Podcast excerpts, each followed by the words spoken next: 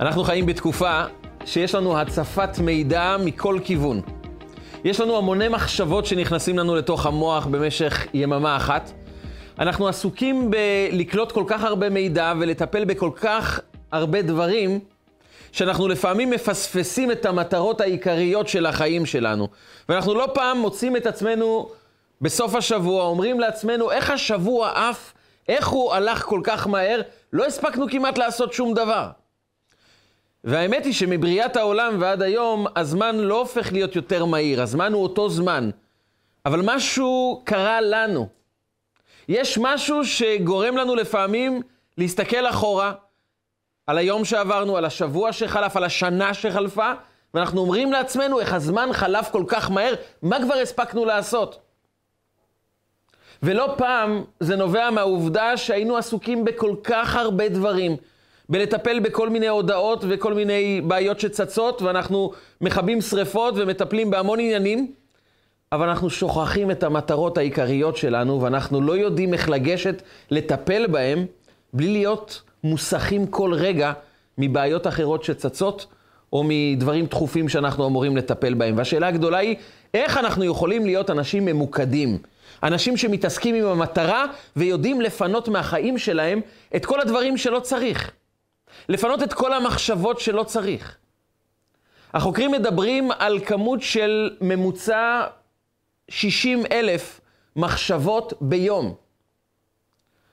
עוברות במוח שלנו 60 אלף מחשבות, ובוודאי שחלק מהמחשבות זה מחשבות שהן אה, לא כל כך חשובות בשביל החיים שלנו, לפעמים זה מחשבות רק בדברים שמצערים אותנו, בדברים שגורמים לנו לכעס, דברים שלא מקדמים אותנו, או אפילו דברים באמת באמת חשובים לחיים, אבל זה לא מה שחשוב לי עכשיו.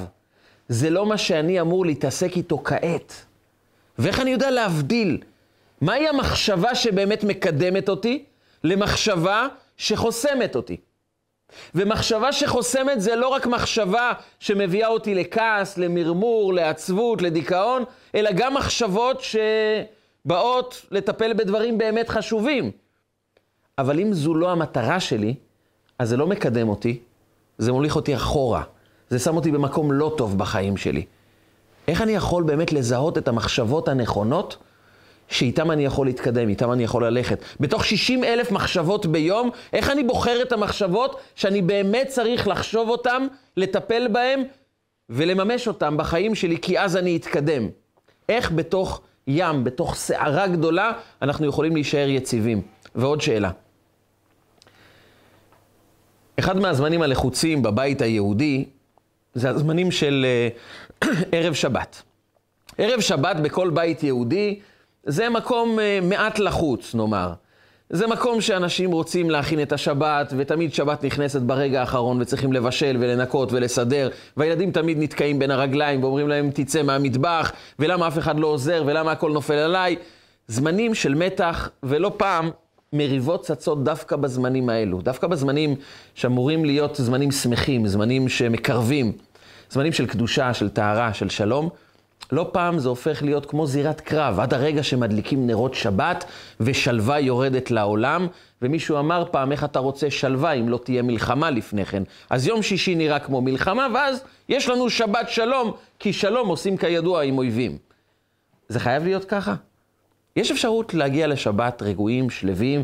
איך אפשר להיות אנשים רגועים, עם עמוד שדרה, עם כוח, עם יציבות, בתוך זמני לחץ? בתוך זמנים של סערה, זמנים של uh, המון עבודות, המון מטלות, להישאר אנשים יציבים בנפש. זה אפשרי או שזה מדע בדיוני? זה ייתכן או שזה רק חלום? והאמת היא שלפרשת תצווה, פרשת השבוע, יש הסבר מעניין ורעיון חשוב לחיים שלנו. והרעיון נוגע באחת העובדות, בעובדה הנדירה בתורה, שקשורה לפרשת תצווה. פרשת תצווה היא פרשה שמדברת, כמו כל הפרשות, על ציוויים, ציוויים מהקדוש ברוך הוא אל בני ישראל. כל ציווי עובר דרך אדם אחד, קוראים לו משה רבנו. אין ציווי שהקדוש ברוך הוא מצווה את בני ישראל שלא עובר דרך המנהיג, דרך מי שקיבל את התורה מריבונו של עולם והוריד את זה לעם, משה רבנו. ולכן כל ציווי קשור עם משה רבנו, ותמיד השם שלו מוזכר, אבל יש כאן דבר מפתיע. מהרגע שנולד משה רבנו בתחילת ספר שמות, עד סוף ספר במדבר, ששם מסתיימים הציוויים של הקדוש ברוך הוא. ספר דברים זה בעצם חזרה על ארבעת החומשים הראשונים, על הציוויים של הקדוש ברוך הוא, זה בעצם נאום אחד גדול שמשה רבנו נושא בפני עם ישראל. אלה הדברים אשר דיבר משה אל כל ישראל. ספר דברים, יש פרשות שלא מוזכר שמו של משה, מהסיבה הפשוטה, הוא באמצע הנאום שלו. זה נאום אחד גדול שקוראים לו ספר דברים.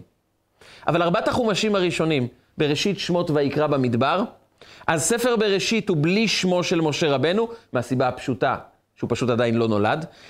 אבל החל מספר שמות, דרך ספר ויקרא ובמדבר, אין פרשה שלא מוזכר שמו של משה רבנו.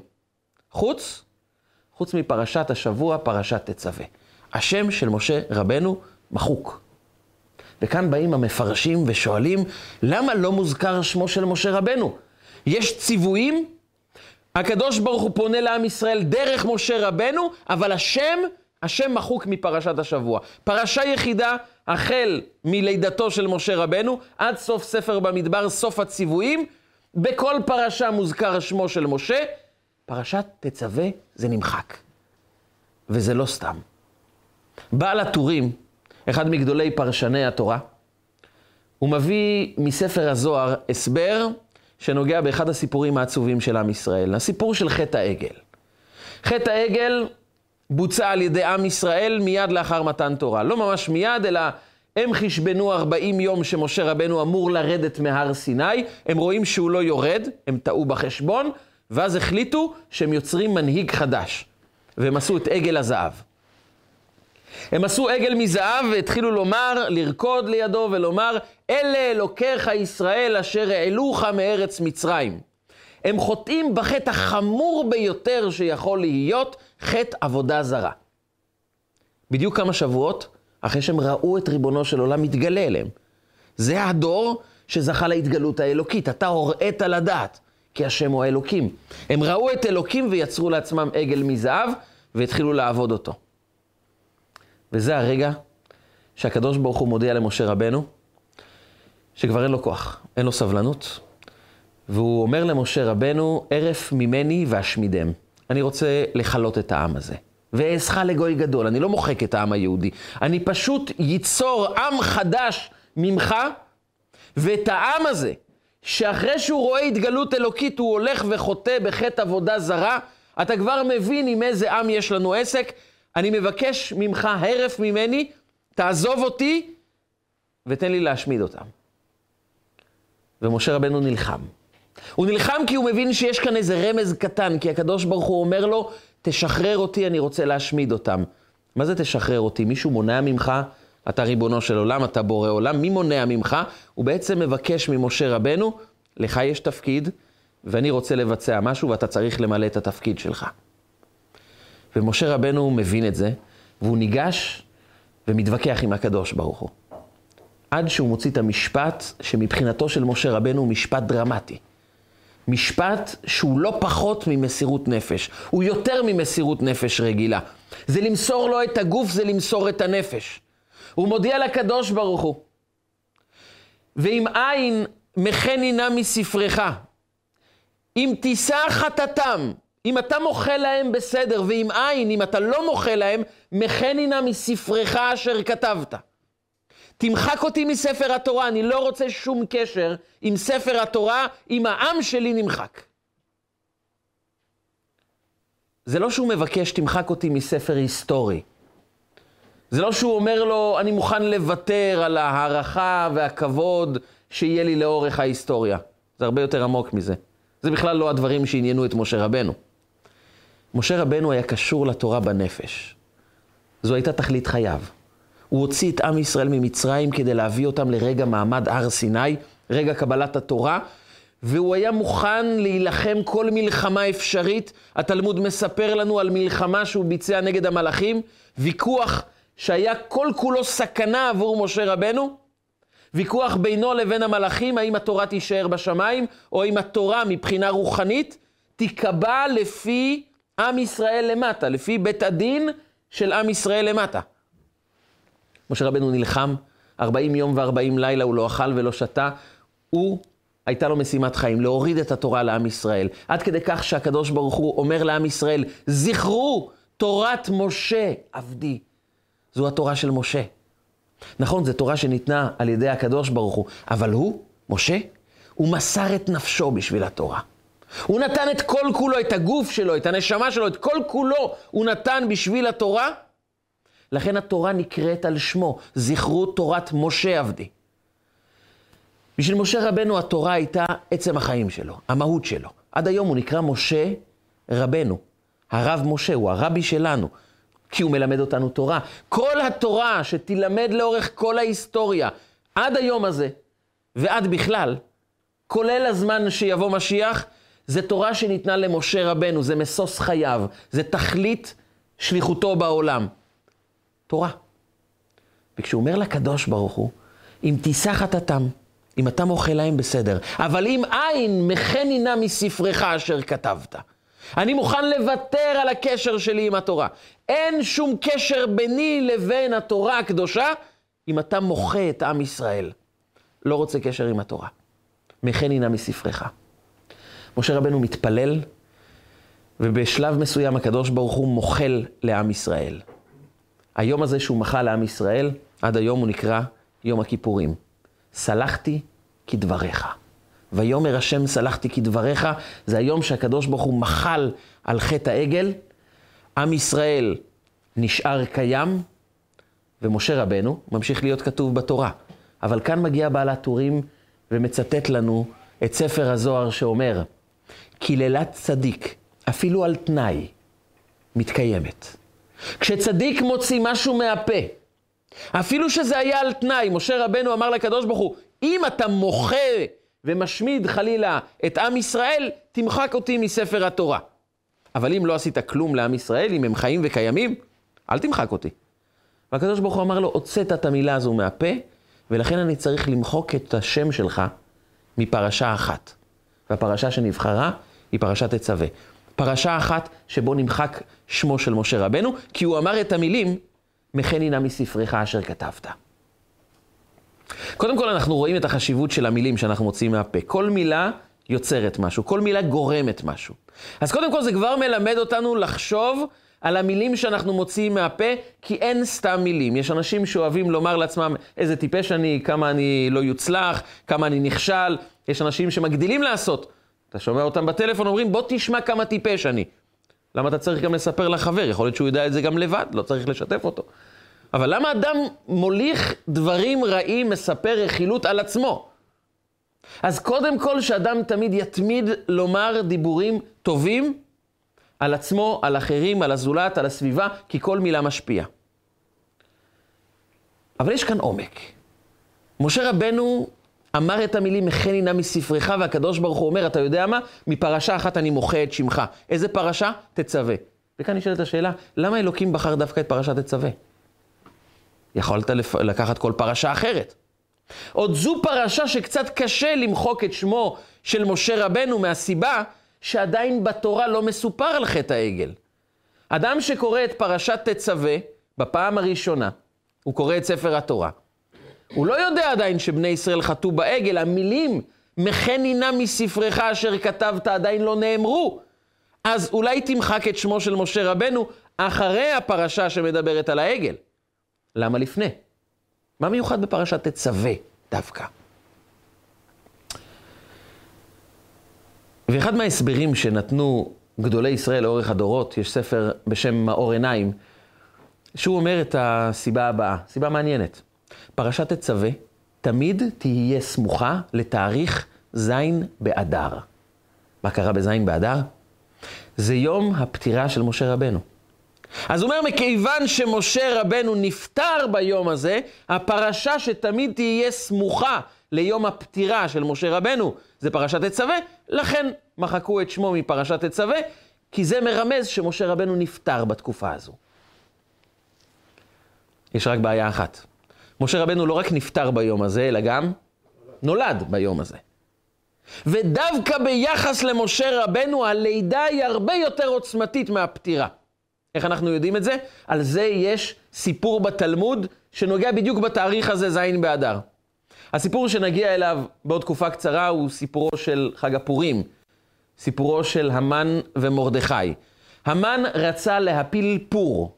פורים זה על שם הפור, פור זה גורל, הוא עשה גורל, הגרלה.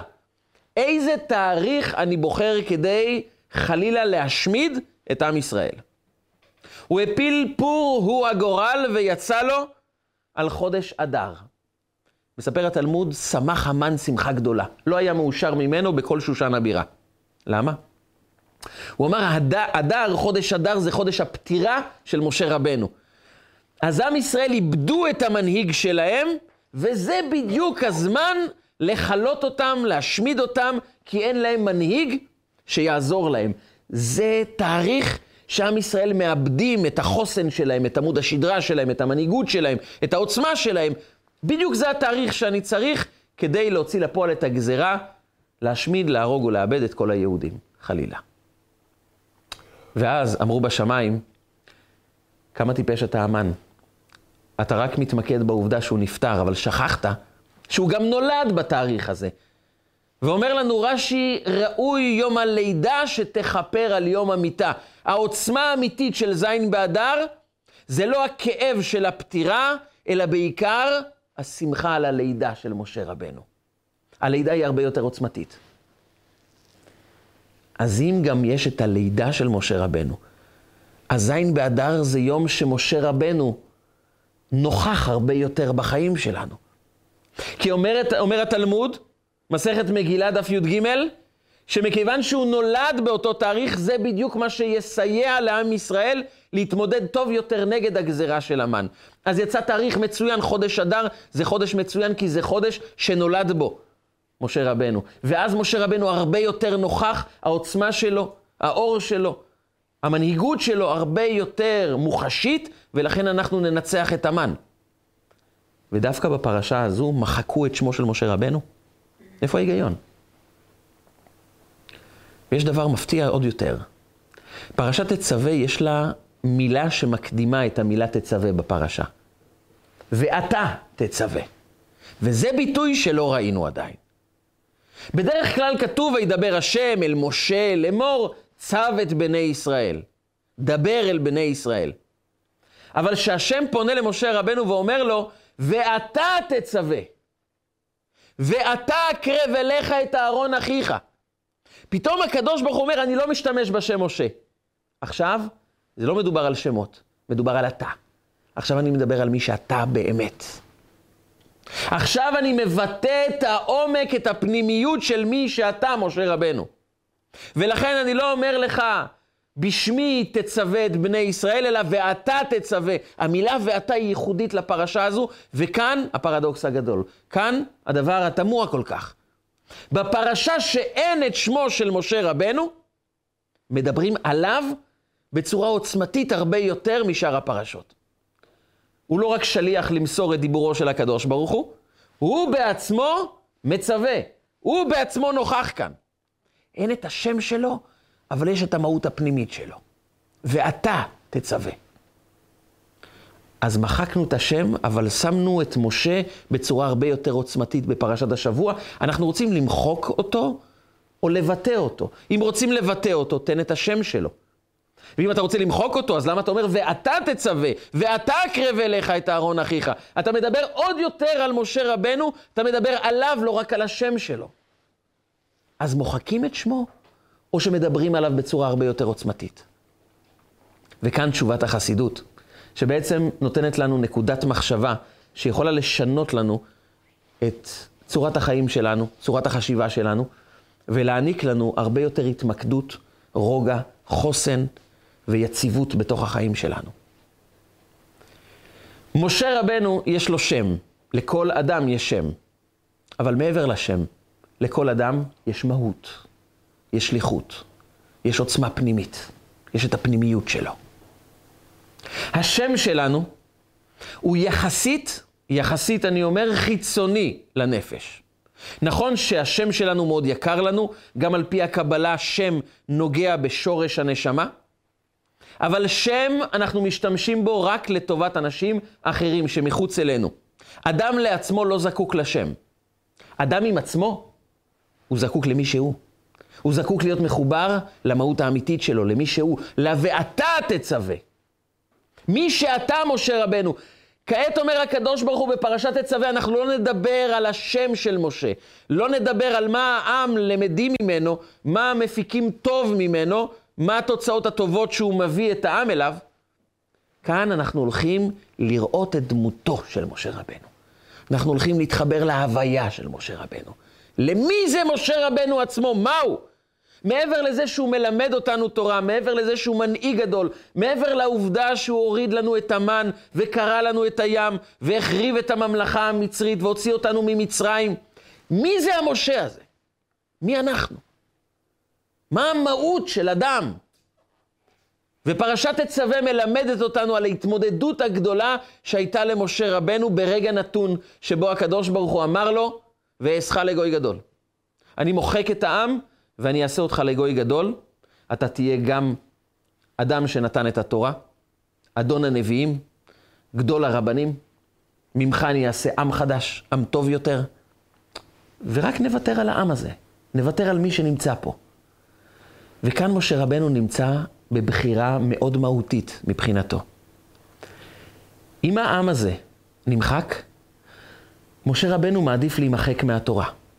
הוא אומר, זה לא הולך ביחד. אני נמצא עם התורה או עם עם ישראל? מהי שליחות חיי? למה נועדתי? מה העיקר בחיים שלי? ועיקר זה לא בחירה בין שום דבר לדבר חשוב. זה לא בחירה בין סתם טפל לדברים עקרוניים. זה לא בחירה בין דברים לא כל כך חשובים לבין דברים מהותיים. זה לעיתים בחירה בין דבר מאוד מאוד חשוב לדבר מאוד מאוד חשוב שהוא השליחות שלי. זה מהות חיי. זה מה שנועדתי עבורו. ואני צריך לעשות בחירה, אומר משה רבנו, מי אני בעצם? מה מהותי? מהי שליחות חיי? זה התורה, ואז אני מוותר על עם ישראל? או שמהותי זה עם ישראל, ואז אני מוותר על התורה. מבחינתו של משה רבנו, זה רגע דרמטי, זה רגע מהותי. זה רגע של לוותר על דבר שהוא מסר את כל כולו עבורו. הוא מסר את כל נשמתו, את כל רוחו, את כל גופו, את כל מי שהוא, בשביל נתינת התורה. אבל ברגע נתון הוא אמור לעשות את הבחירה. מי אני באמת? ואז הוא מבין, אני רעיה מאמנה. אני הרועה הנאמן של עם ישראל. הדבר הכי חשוב מבחינתי, הדבר שבשבילו הקדוש ברוך הוא ברא אותי, זה עם ישראל. לכן הוא אומר לי, הרף ממני, תעזוב אותי. מישהו תופס אותך, ריבונו של עולם? אתה שולט על הכל. אבל הקדוש ברוך הוא מרמז לו, משה, אני עושה את מה שאני רוצה לעשות, אבל אתה, תזכור שיש לך שליחות. תזכור שיש לך תפקיד. תזכור שאתה אמור לתפוס אותי כל רגע, אתה אמור להילחם עבור העם הזה. אתה אמור לא לוותר עד שאני מוחה לעם הזה. זו שליחות חייך, ולעיתים הבחירה היא מאוד דרמטית, היא מאוד מהותית, היא מאוד כואבת. לוותר על התורה או לוותר על העם. ומשה רבנו מבין, תפקידי זה העם. אז אני אומר לקדוש ברוך הוא, מכני נא מספרך. כי אני רוצה להציל את העם הזה. ואני מוכן לוותר על הדבר הכי יקר לי, עבור הדבר שהוא מהות חיי, הוא תפקידי, הוא השליחות שלי, עם ישראל. וברגע שהוא עושה את זה, הוא מוחק את השם שלו, אבל הוא מגלה את המהות שלו. כשאנחנו עושים את הבחירות הנכונות בחיים שלנו, כשאנחנו קודם כל מציבים בפנינו בצורה מאוד בהירה מי אנחנו, מה התפקיד שלנו, מה מהותי בחיים שלי, מהי שליחות חיי, אז אנחנו קודם כל מבינים שזה הדבר העיקרי. זה הדבר שמנהיג אותי, זה עמוד השדרה של היום שלי, בזה אני מתמקד, זו שליחות חיי. ואז כשהדברים בהירים יותר, אני מבין שכל מחשבה אחרת, כמה שהיא לא תהיה חשובה, היא מפריעה לי. ואם היא מפריעה לי, כמה שהיא תהיה חשובה, היא הטפל כעת. ואת הטפל אני שם בצד. וזה הכוח הגדול שנקרא סוד ההבדלה בעם ישראל. היכולת שלנו להבדיל בין קודש לחול, בין אור לחושך, בין ישראל לעמים, להבדיל בין אור לחושך. זה לא להבדיל בין טומאה לטהרה. זה לא להבדיל בין דברים טובים לדברים רעים. זה גם להבדיל בין הדברים הטובים לדברים שבאמת הם טובים עבורי כעת. ואם זה טוב, אבל לא טוב עבורי כעת, זה חושך. למה? כי זה מעכב אותי מלהתקדם לאור הגדול של החיים שלי. אז יצר הרע יש לו שיטה מאוד טובה. הוא מדגיש לנו את החשיבות העצומה של הדברים שהוא מביא לנו כעת, והוא אומר לנו, תראה כמה זה חשוב, תראה כמה זה נחוץ. ואז אנחנו מתפתים, כי זה נראה באמת באמת חשוב, זה באמת חשוב, זה באמת נחוץ. אבל אנחנו אמורים לשאול את עצמנו שאלה אחת, זה חשוב, זה נחוץ, אבל זו שליחותי? זה מה שאני אמור לעשות? יצר הרע בונה על דבר אחד, חוסר מיקוד. הוא רוצה לפזר אותנו בין המון המון דברים חשובים. זה חשוב, וזה חשוב, וההודעה הזאת חשובה, והאדם הזה חשוב, ואנחנו כל הזמן מתפתים לענות להודעות ולענות לשיחות, וכל הזמן להתמקד בכל מיני דברים שצצים, שבאים להסיח דעת מהשליחות שלנו. לפעמים אנחנו קמים בבוקר ואין לנו גם מושג מהם המטרות העיקריות שלנו היום. כמה אנשים קמים בבוקר ויודעים בדיוק מה הם אמורים לעשות. לא רק כדבר שהפילו עליהם מהעבודה, שזה דבר חשוב לעצמו, אלא איפה אני מתקדם בחיים שלי, מה, במה אני מתקדם. יש לי שעה פנויה, שעתיים פנויות, חצי שעה פנויה, איזה תוכן אני יוצק בחצי שעה הזו. ואם אני לא יוצק תוכן, אז 60 אלף מחשבות נכנסות לתוך הראש, ולך תתמרן בין כל כך הרבה מחשבות, ותצליח להפיק משהו מהחיים שלך. הדבר הראשון, משה רבנו קובע לעצמו, יש לי יעד ברור, יש לי דבר שאני מחשיב אותו כעיקר העיקרים שלי. וכשזה ברור לי, אין לו שום בעיה לעמוד מול הקדוש ברוך הוא ואומר לו, אם תישא חטאתם, ואם לא תישא, ואם אין, מחני נא מספרך, אני מוכן לוותר על כל דבר. אני לא מוכן לוותר על דבר אחד, על שליחות חיי. על המטרה שבשבילה נועדתי להגיע כאן לעולם. תפקידי זה מנהיג ישראל, רועה ישראל, ראיה מאמנה, ועל זה אני לא מוותר, על זה אני נלחם. ואומר הקדוש ברוך הוא למשה רבנו, בפרשת תצווה, אני אגלה מי אתה באמת. זו פרשה שסמוכה ליום הלידה ויום הפטירה שלך. ויום הלידה ויום הפטירה מבטאים את מי שאתה. יום הלידה הוא יום חזק יותר, כי בעצם זה הבשורה. יום הלידה של אדם, יום ההולדת של אדם, חוגגים את זה לא רק כדי לציין על עוד שנה שעברה. כי אם אנחנו חושבים על השנים שעוברות, זה לא נותן לנו מצב רוח יותר מדי טוב. בגיל שלוש ילדה מאוד שמחה שהיא עשתה, הגיעה לגיל שלוש, היא מאוד שמחה, ועושים לה מסיבות. בגיל 33 היא קצת פחות שמחה. בגיל 60 כבר אסור בכלל לדבר על הגיל. אז ממה אדם שמח ביום הולדת? זה כמו שאדם יקנה רכב, ואחרי עשר שנים הוא יציין בשמחה, יום הולדת עשר לרכב. הוא לא כל כך שמח, כי זה רק אומר שהערך מאוד ירד. כי כל דבר בעולם, כשעוברות השנים, כשעוברים השנים, אז זה רק הופך להיות פחות חשוב, פחות נחוץ. הערך שלו יורד. אז ממה אנחנו שמחים ביום הולדת? אנחנו שמחים מדבר אחד, מהבשורה שיש לנו לתת לעולם. כל אדם קיבל בשורה ייחודית, קיבל שליחות מיוחדת, קיבל תפקיד חיים, ואנחנו שמחים על הכוחות הנוספים שיש לנו בכל יום הולדת. לממש את הכוחות שלנו, לממש את השליחות שלנו, ואת זה משה רבנו מלמד את עם ישראל. תתחברו לשליחות שלכם, תהיו עסוקים בזה, זה הדבר החשוב ביותר, זה הדבר המשמח ביותר. כי כשאדם עסוק בשליחות חייו, הוא עסוק בעיקר ולא בטפל. וזה סוד השמחה. סוד השמחה של האדם זה כשהוא יודע שהוא עסוק בדבר הבאמת באמת חשוב בחיים. מזה הוא שמח. כשאדם מציב בכל יום מטרה מסוימת, יש לו איזה יעד להגיע אליו. הוא בכלל בונה לעצמו איזה תוכנית, מה הדברים שאני אמור להשקיע בהם, מה העיקר בחיים. כשאדם יודע מה העיקר, מתבהרת לו התמונה, והוא יודע להתחיל לפנות מחשבות לא נחוצות, כי יש לו מדד אחד. חשוב, לא חשוב, זה בכלל לא נוגע. זה חלק מהיעד שלי או לא חלק מהיעד? אם זה לא חלק מהיעד, זה לא חלק מהחיים שלי. אני מפנה את זה. כי יצר הרע יבוא אלינו עם המון המון דברים חשובים. הוא רק דואג לדבר אחד, שהדברים החשובים האלו לא יהיו שליחות החיים שלנו. בזה הוא הרוויח את כל הקופה. והתפקיד שלנו זה לא לשאול מה חשוב, מה לא חשוב, זה לשאול מהי שליחותי, מה התפקיד שלי, מה אני אמור לעשות כעת. לא תמיד יהיה לנו תשובות. אבל לפחות יהיה לנו קו בהיר לדעת להתחיל לדון את מה שאנחנו עושים. אני אתן דוגמה. מספרים על אחד מהצדיקים שהוא הגיע לעיירה אחת להתארח אצל אחד מהחסידים שלו. היה חסיד עמיד, בעל ממון, הוא רצה לארח את אותו צדיק בצורה הכי טובה והכי מפוארת והכי יפה שרק אפשר. הוא הכין את אשתו שהולכים להכין פה שבת מלכים. הם כמובן לקחו גם עוזרות ובישלו וטרחו, והאישה באמת הייתה מיום חמישי על הרגליים, עבדה, העוזרות עבדו, הכל כדי לעשות את הבית בצורה הכי יפה, הכי מסודרת, שכל החסידים שיבואו ייהנו, ויהיה להם הרבה אוכל, והכל בפאר והדר. כמובן שלצדיק גם יהיה מאוד נוח ומאוד נעים. וזהו, מגיע ליל שבת, אחרי התפילה, מגיע פמליה עם הצדיק, בעל הבית, הגביר הגדול, ועוד המוני אורחים. נכנסים לבית ובאים לקדש. והחלות לא היו מכוסות. אז הצדיק מרמז בעדינות לבעל הבית אם הוא יכול להביא איזה כיסוי לחלות. כי מכסים את החלות לפני הקידוש. בעל הבית נכנס ללחץ. אולי הצדיק יחשוב שאני לא יודע שההלכה מבקשת לכסות את החלות, פתאום משהו לא מסתדר, כל כך רצינו שכל דבר יהיה מדויק, והנה פתאום חסר כאן משהו. אז הוא פשוט צעק לאשתו, אה, גברת הרבנית, אולי יש כיסוי, אם את לא יודעת שמכסים חלות? את חדשה ביהדות?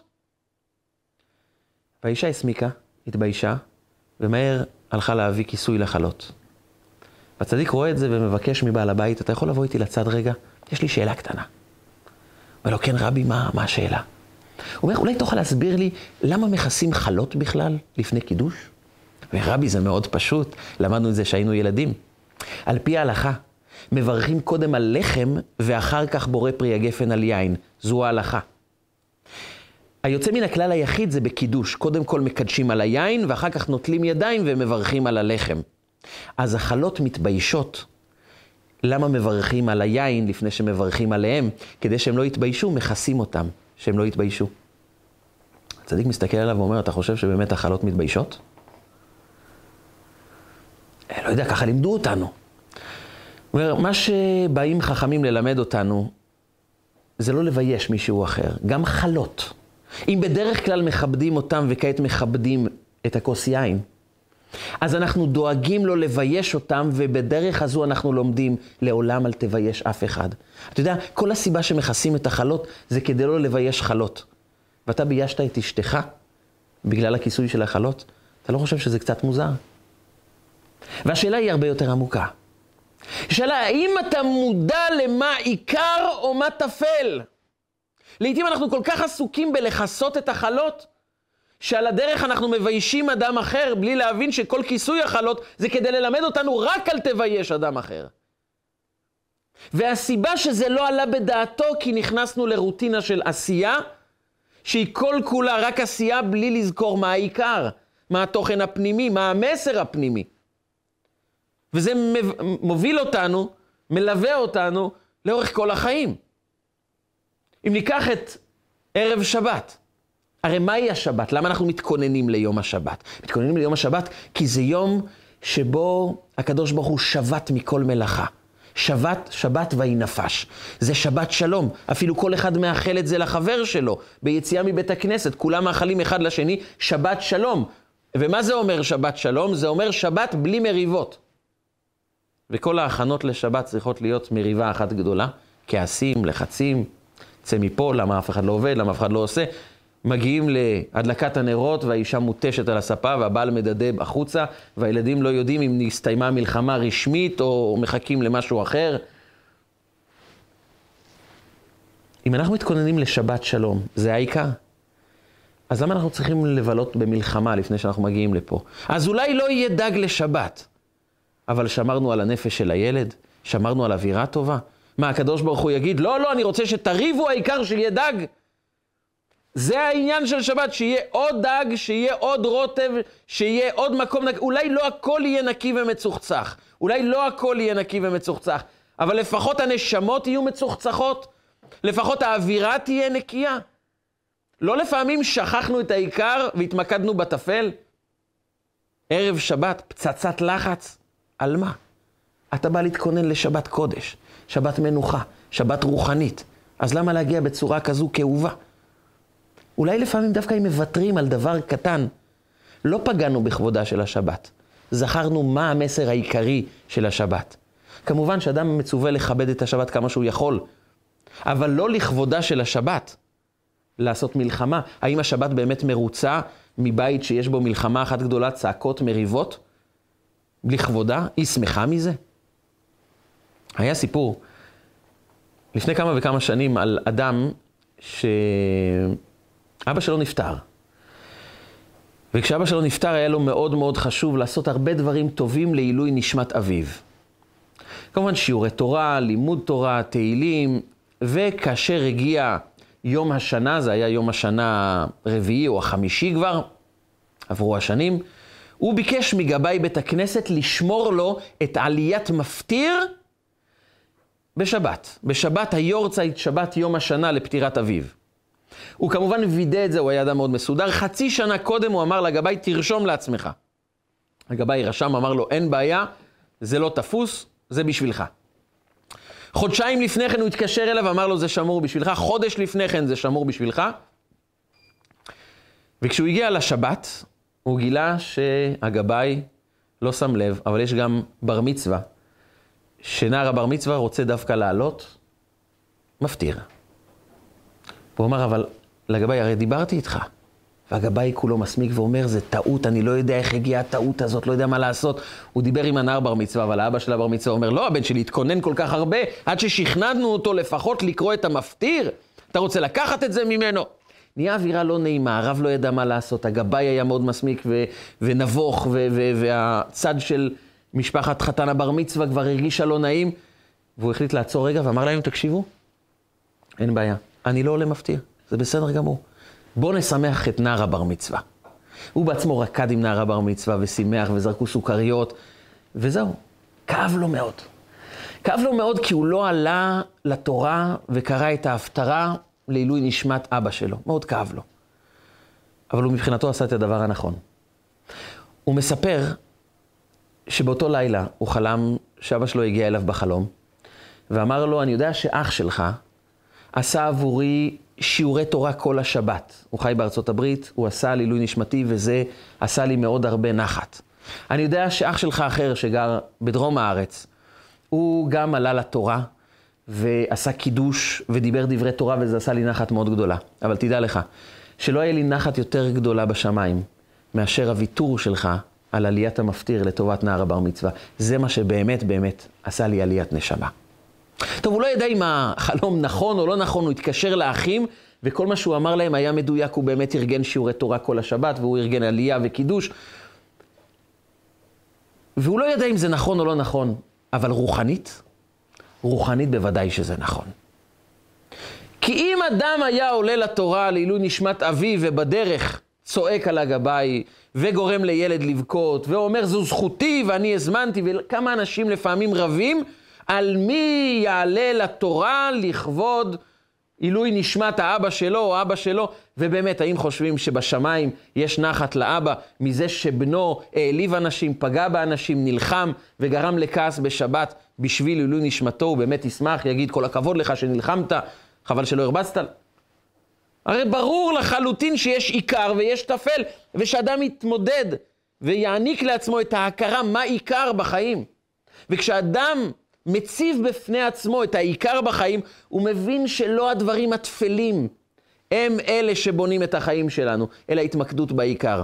וכשאתה מתמקד בעיקר, יכול להיות אולי שלא יהיה דג לשבת, אבל ייכנס ילד שמח, אבל תיכנס משפחה רגועה, ותיכנס אישה או ייכנס איש שזכרו בזמן הכנות לשבת, שעיקר העיקרים זה שבת שלום, זה לא לריב. למה את לא מכינה? ולמה אתה לא עושה? ולמה את כמו אמא שלך, שלך, ולמה אתה מתנהג כמו אבא שלך כל הזמן לא זז בבית. במקום המריבות האלה שלא מובילות לשום דבר, להבין, אנחנו מתכוננים לשבת. למה מתכוננים לשבת? יכלנו לעשות את זה כיום רגיל ואף אחד לא היה רב. אנחנו מתכוננים לשבת כי אנחנו מבינים שיש מימד רוחני עמוק שהולך להיכנס לתוך החיים שלנו. אנחנו הולכים להגביה את עצמנו ברמה רוחנית הרבה יותר גבוהה, להיות אנשים טובים יותר, אנשי שלום יותר, אנשי רוח יותר, אנשים שהנשמה מנהיגה אותם ולא תאוות העולם. לא ימי החולין מנהיגים אותנו, אלא יום הקדוש, שבת. ובשביל זה אנחנו רבים, בשביל זה אנחנו מתמרמרים, בשביל זה אנחנו הופכים את הבית להרגש. כשאדם מבין את העיקר, הוא יודע לוותר על כמה דברים קטנים, כדי באמת להביא את העיקר. אם הילד דורך אחרי שעשינו ספונג'ה, במקום להגיד לו כמה הוא לא חכם וכמה הוא לא חושב ואיפה העיניים שלו נמצאות, אז אולי זה הזמן לחשוב, אנחנו רוצים לפגוע ביחסים שלנו עם הילדים, לפגוע בנפש שלו, או שחשוב לנו שהרצפה תישאר נקייה. וכשאתה מציב את השאלה בצורה כזאת, מה עיקר ומה טפל, זה עוזר לו להתבונן הרבה יותר טוב על החיים. זה עוזר לו לקבל את ההחלטות היותר נכונות בחיים. זה עוזר לו לדעת במה נכון להתמקד ובמה לא נכון להתמקד. אולי יהיה קצת סימנים מלוכלכים ברצפה, אבל יהיה לנו ילד הרבה יותר בריא, יהיה לנו תקשורת הרבה יותר טובה איתו. אולי זה יותר חשוב? אולי זה העיקר? או שהעיקר שהרצפה תהיה נקייה. אבל לפחות שנשאל את עצמנו, מה העיקר?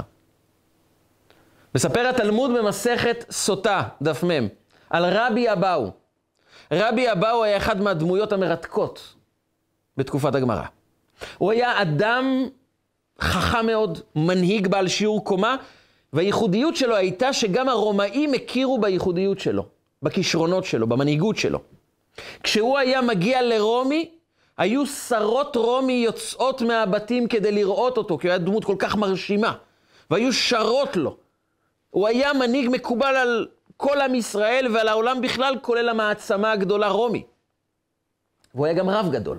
רב שנושא דברים מול קהל עצום של תלמידים, כל יום.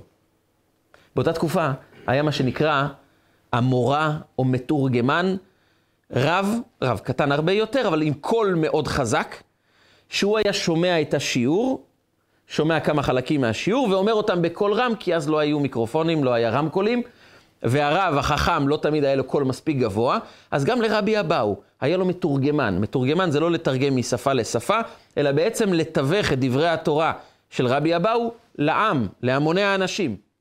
ואז הוא היה מטה אוזן, שומע כמה דקות, ואומר את הדברים לכל הקהל. ויום אחד אשתו של המתורגמן פוגשת את אשתו של רבי אבאו, ואומרת לה את המשפט הבא: מה את חושבת, שבעלך יודע משהו מהתורה בכלל? כל השיעור זה בעלי אומר, הוא סתם עושה כבוד לרבי אבאו, הוא כאילו מקשיב לו, אבל דברי התורה זה של בעלי, לא של בעלך. בעלך לא מדבר שום דבר, הוא לא יודע כלום.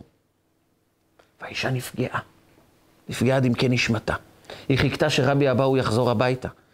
ואז היא אומרת לו, אתה יודע מי, מה המתורגמן שלך מספר לאשתו, מה הוא מספר לאנשים ברחוב? הוא מספר להם שהוא זה שאומר את הדברי תורה, ורק עושה לך כבוד כזה, שהוא כאילו שומע ממך דברי תורה. תטפל בזה, תעשה משהו, זה חסר אחריות, ככה זה לא יכול להתנהל, אנשים מדברים, האישה הזאת מספרת את זה לכולם. ורבי אבאו אומר לה משפט אחד, ומהי נפקא מינה לך? מה זה משנה? מיני ומיני יתקלס הילאה. אני לא באתי לקריירה אישית. לא באתי להיות הגדול שבעם. לא באתי להיות האדם המכובד. לא באתי לעולם כדי שאנשים יספרו כמה אני חכם. לא. הגעתי בשביל דבר אחד. יתגדל ויתקדש שמי רבה. הגעתי להגדיל את שמו של הקדוש ברוך הוא. הגעתי להביא קדושה לעולם. ואם הקדושה מגיעה, שאנשים יגידו שזה הוא. ואם זה באמת מגיע ממנו, מה זה משנה? העיקר שיתקלה סילאה, העיקר שהמטרה תושג.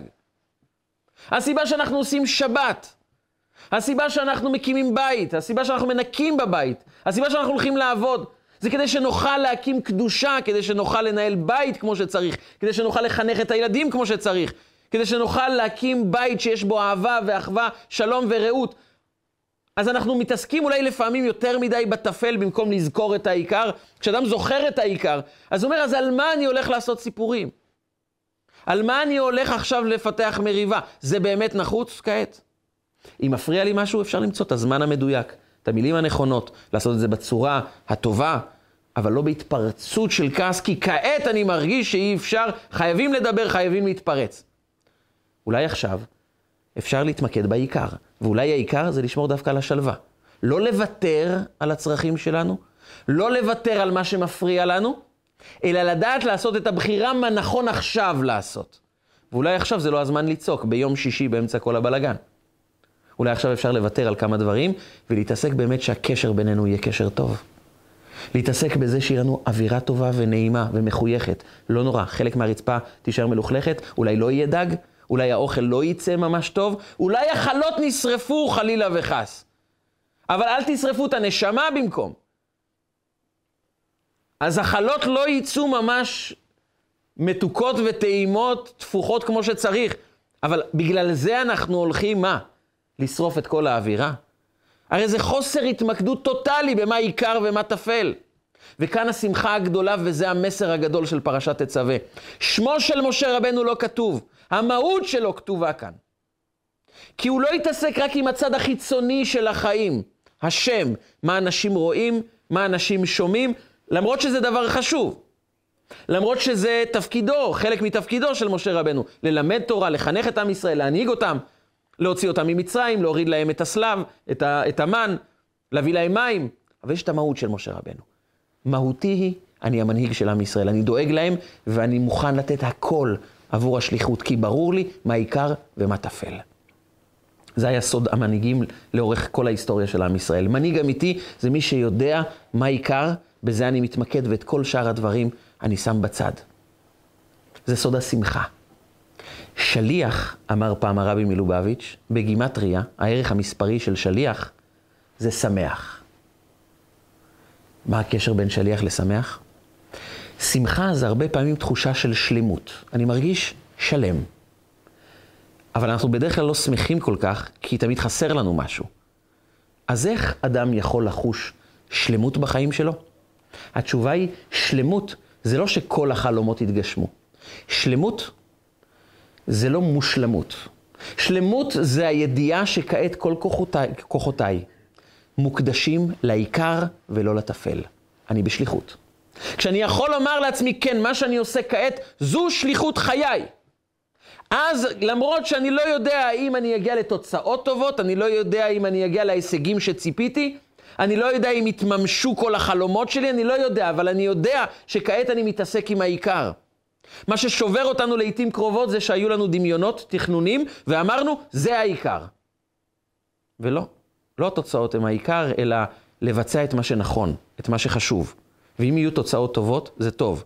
אבל גם אם לא הגיעו התוצאות שחשבתי עליהן, אני יודע שעשיתי את מה שנדרש ממני. וכשאדם מגיע בתחושת שליחות, עשיתי את מה שמצופה ממני, הוא הופך להיות אדם שמח. כי מה תיקח ממנו? הוא שקוע בעיקר. אדם כמה שהוא לא יהיה עשיר, כל עוד הוא מתעסק עם הטפל של החיים לעולם הוא לא יהיה מאושר, כי הוא לא עונה לעצמו מי אתה. האם אתה מחובר למי שאתה? אתה מחובר לשליחות חייך? האם אתה עסוק בעיקר של חייך, או בטפל, באיזה מכונית קנית, כמה יהלומים יש לך, איזה תכשיטים, ואיזה בית רכשת וכמה מניות יש לך? זה דברים טובים, חשובים, אבל מי אתה?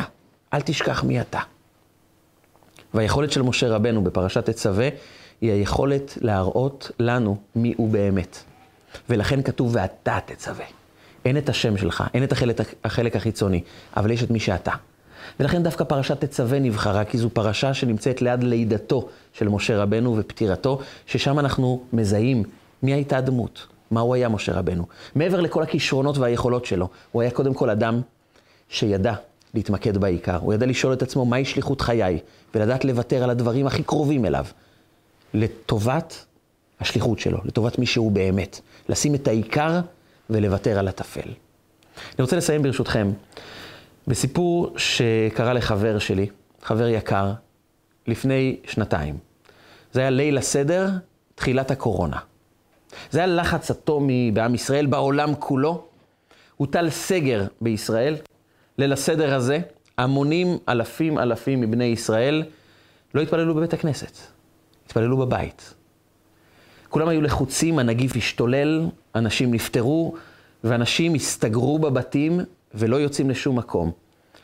והחבר הזה התארגן כמה שהיה אפשר להתארגן בתוך כל התוהו ובוהו הזה, התארגן לפסח, קנה כמה חבילות מצות, אה, קרטון של יינות, פירות, ירקות, בשרים, מה שצריך, ומתארגנים לליל הסדר. הוא התפלל ערבית ביחד עם הילדים שלו, והוא ניגש להכין את קערת ליל הסדר. הוא בא לפתוח את המצות, אבל המצות, מה לעשות, רובן מפוררות. הוא נפל על כמה קרטונים לא הכי טובים של מצות, מצות עבודת יד עגולות, שזו המצווה העיקרית בליל הסדר, ועד שהוא הצליח למצוא שלוש מצות שפחות או יותר נראות שלמות, הוא שם אותן בתוך הקערה, והלך לקחת את היין רק כדי לגלות שבקרטון הזה נמצאים רק שני בקבוקים. שני בקבוקים זה ממש ממש אולי מדויק בשבילו ובשביל הילדים שלו, וכידוע, גם נשים צריכות לעשות קידוש, כולם צריכים לקדש על כוס יין, כולם צריכים ארבעה כוסות, ושתי בקבוקים זה כנראה לא יספיק לכל המשפחה. זה כבר לא נעים. אבל צריכים להתחיל. והוא שם את שני הבקבוקים, ובקבוק ראשון הוא מזג לכולם, לפחות כוס ראשונה שיהיה לכולם.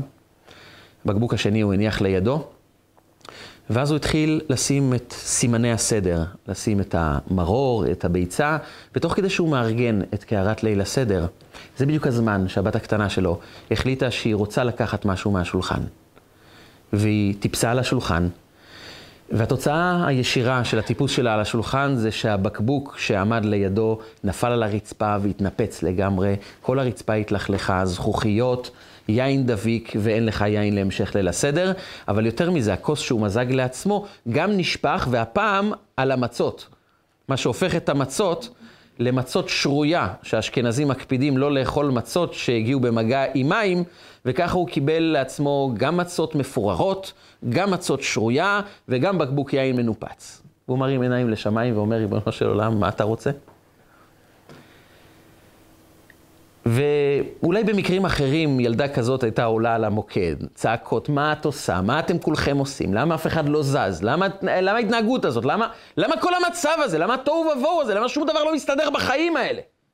למה מסוגרים? למה יש מחלה כזאת? למה, למה זה התנפץ? למה זה נפל? למה אין לנו יין בצורה נורמלית? למה המצות התרטבו? למה המצות מפוררים? ואז הוא החליט ברגע אחד, הוא אמר, ילדים, אין לנו מספיק יין לליל הסדר. גם המצות מפוררות, והמצות השלמות, פחות או יותר, שהיו לנו כבר, הן שרויה, אנחנו לא יכולים להשתמש בהן, כי הם הגיעו במגע עם מים. יש לנו אפשרות אחת, להבין שזו השליחות שלנו. זה ליל הסדר שלנו. יהיה ליל הסדר בעולם של אנשים עם המון יין, עם המון מצות, לנו לא יהיה כל כך הרבה יין, יהיה לנו קצת מצות מפוררות, אבל זה ליל הסדר שאלוקים רוצה מאיתנו. הוא קם והתחיל לרקוד עם הילדים שלו. ריקוד של ליל הסדר עם פחות יין, עם מצות מפוררות, אבל הוא הבין שיש לו שליחות. הוא יכל לצעוק על הילדים שלו, הוא יכל להתמרמר על החיים שלו, והוא יכל להבין שאתה שליח, אתה שמח. כשאתה מבין שזו השליחות, אתה שואל את עצמך, רגע, אז מה עיקר? עיקר זה מה שהקדוש ברוך הוא רוצה ממני כעת? כעת הוא רוצה ממני ליל הסדר מסוג כזה. ואני מקבל באהבה. זה מה שאתה רוצה. הרי הגעתי לליל הסדר לא כי יש לי איזה עניין עם ארבע כוסות. לא כי יש לי איזה קשר נפשי עם מצות. חוץ מפסח אני לא אוכל את המצות ולא שותה ארבע כוסות יין. יש לי קשר איתך, כי אני מבין שזה מה שאתה רוצה. וכשאני ממוקד בעיקר, אז גם אם לא יהיה לי ארבע כוסות, גם אם המצות יהיו מפוררים, גם אם עכשיו אני צריך לנקות יין שהתנפץ על הרצפה, אני יודע דבר אחד, זו שליחותי, זה העיקר. ואם זה העיקר, כל המחשבות על לכעוס על הילדה, להתעצבן ולהתמרמר על כל המצב, זה טפל, והטפל נעלם, והעיקר נמצא כאן. הוא מספר לי, הוא יצא בשפוך חמתך, יוצאים החוצה, ומתפללים שמשיח יבוא, שהגאולה תבוא. הוא אמר לקדוש ברוך הוא, אני עשיתי את הליל הסדר שאתה רצית ממני. אני מקווה שזה ליל הסדר שמוצא חן בעיניך. אני לא מבין גדול בקבלה ובמה קורה אצל המלאכים ולמעלה, אבל אני משוכנע שאחד מלילות הסדר היפים ביותר שהיה לבורא עולם באותה שנה, היה ליל הסדר הזה. שלא היה בו יין, היו מצות מפוררים, מפוררות, אבל, אבל היה פה משהו אחד שלם, נפש, שליחות, הייתה שלמה. ואני בטוח שהבקשה שהוא ביקש שם, שמשיח יבוא, שתבוא הגאולה, זה בעצם הבקשה שלי, אני, התמקדתי בעיקר, ידעתי לזהות את הרגע הנכון של השליחות, של העיקר שלי בחיים. אם אנחנו נתמיד בהתמקדות בעיקר, בקדוש, בטהור, במה שנכון, נזכה בעזרת השם, שהקדוש ברוך הוא יגלה את עיקר העיקרים, את הקדושה, את הטהרה, את הטוב האמיתי שקיים בעולם, זה יתגלה אלינו בגאולה השלמה במהרה בימינו, אמן ואמן. רגע של חוכמה, רגעים קצרים ומשנה חיים. הצטרפו אלינו, הרשמו לערוצי רגע של חוכמה ביוטיוב, בפייסבוק, באינסטגרם ובוואטסאפ.